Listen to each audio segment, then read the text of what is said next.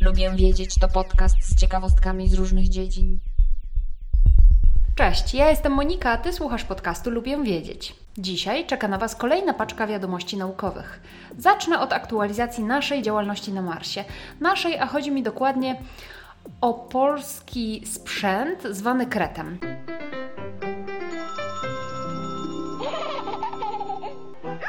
W odcinku tego podcastu z 23 lutego 2019 roku, który jest zatytułowany Paski zebry, kret i pole magnetyczne Ziemi, mówiłam właśnie o tym polskim sprzęcie, który wylądował na Marsie w celu wkopania się około 5 metrów w głąb gruntu.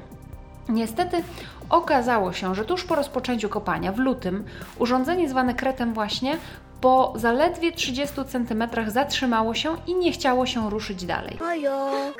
Rozpoczęła się długa diagnostyka i podejmowano próby ponownego uruchomienia sprzętu. Niestety do tej pory próby te były nieudane. Ustalono jednak trzy prawdopodobne powody dla zatrzymania się urządzenia. 1. Albo trafił na kamień. 2. Albo sznur ciągnący się za urządzeniem uwiązł. 3. Albo korpus kreta nie ma zbyt dużego tarcia w luźnej, zwietrzałej wierzchniej warstwie planety. I to właśnie ten trzeci powód wydaje się być najbardziej prawdopodobny według naukowców. Naukowcy są też raczej przekonani, że kret ostatecznie osiągnie zakładaną od początku głębokość, tylko należy zoptymalizować wkopywanie. W tej chwili te luźne fragmenty skał nie pozwalają na uzyskanie odpowiedniego odbicia młota z powrotem, przez co urządzenie traci zamach.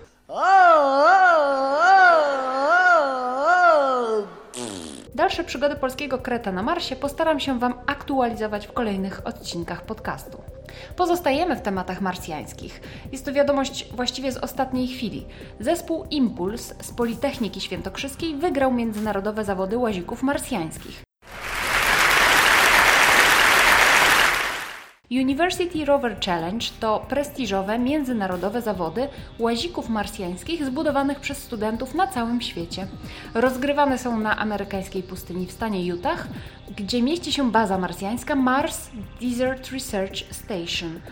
W tegorocznych zawodach wzięło udział 36 drużyn z 10 krajów świata, ale jak poinformowali organizatorzy konkursu na stronie internetowej 1 czerwca, najlepszy okazał się zespół Impuls z Politechniki Świętokrzyskiej, który wywalczył blisko 363 punkty. W ubiegłorocznych zawodach zespół ten z Politechniki Świętokrzyskiej zajął w konkursie trzecie miejsce. W tym roku drugie miejsce zdobyli studenci reprezentujący kanadyjski Ryerson University z 329 punktami. Trzecie miejsce należy do studentów Stanford University, którzy zdobyli 323 punkty. Konkursie wystartowało też 7 innych zespołów z Polski. Spośród nich najlepiej poradzili sobie ubiegłoroczni zwycięzcy zawodów, czyli studenci z zespołu Politechniki Częstochowskiej, którzy z ponad 312 punktami zajęli czwarte miejsce.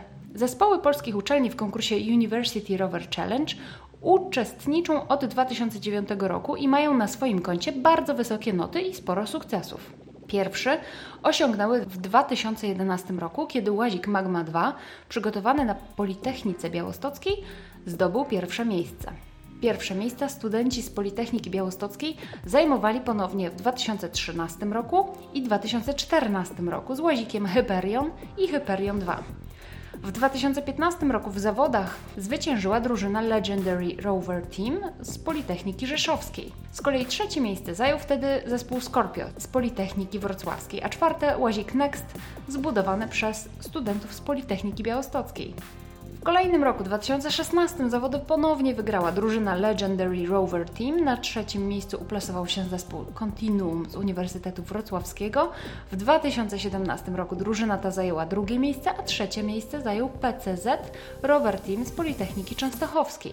W 2018 roku, ubiegłym roku, PCZ Rover Team okazał się zwycięzcą.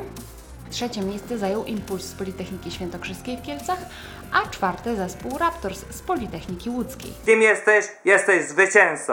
Nagrodą w tym konkursie są nagrody pieniężne, ale także wycieczka na konwencję marsjańską.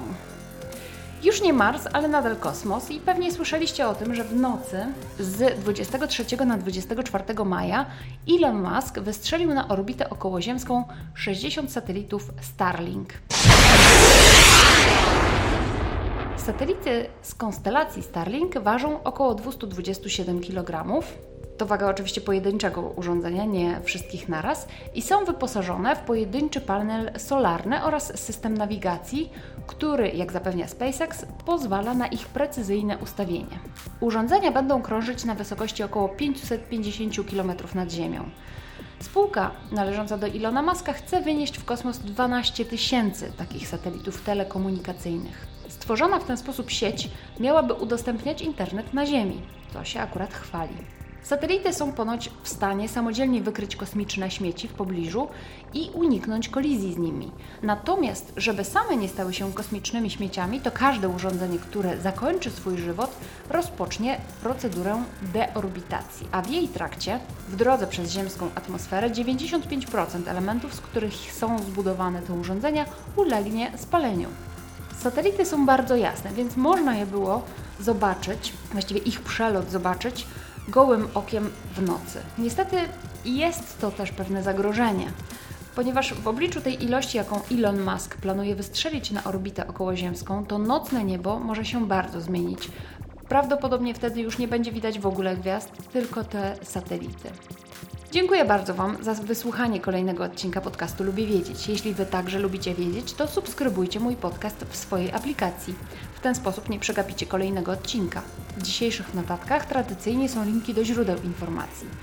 Możesz też polubić fanpage podcastu na Facebook Lubię Wiedzieć Podcast, bo tam zamieszczam dodatkowe nowinki. Możesz także do mnie napisać na adres lubiewiedzieć.małpainteria.pl Zapraszam także na mój drugi podcast Fiszkowa Kartoteka. Tam mówię o książkach.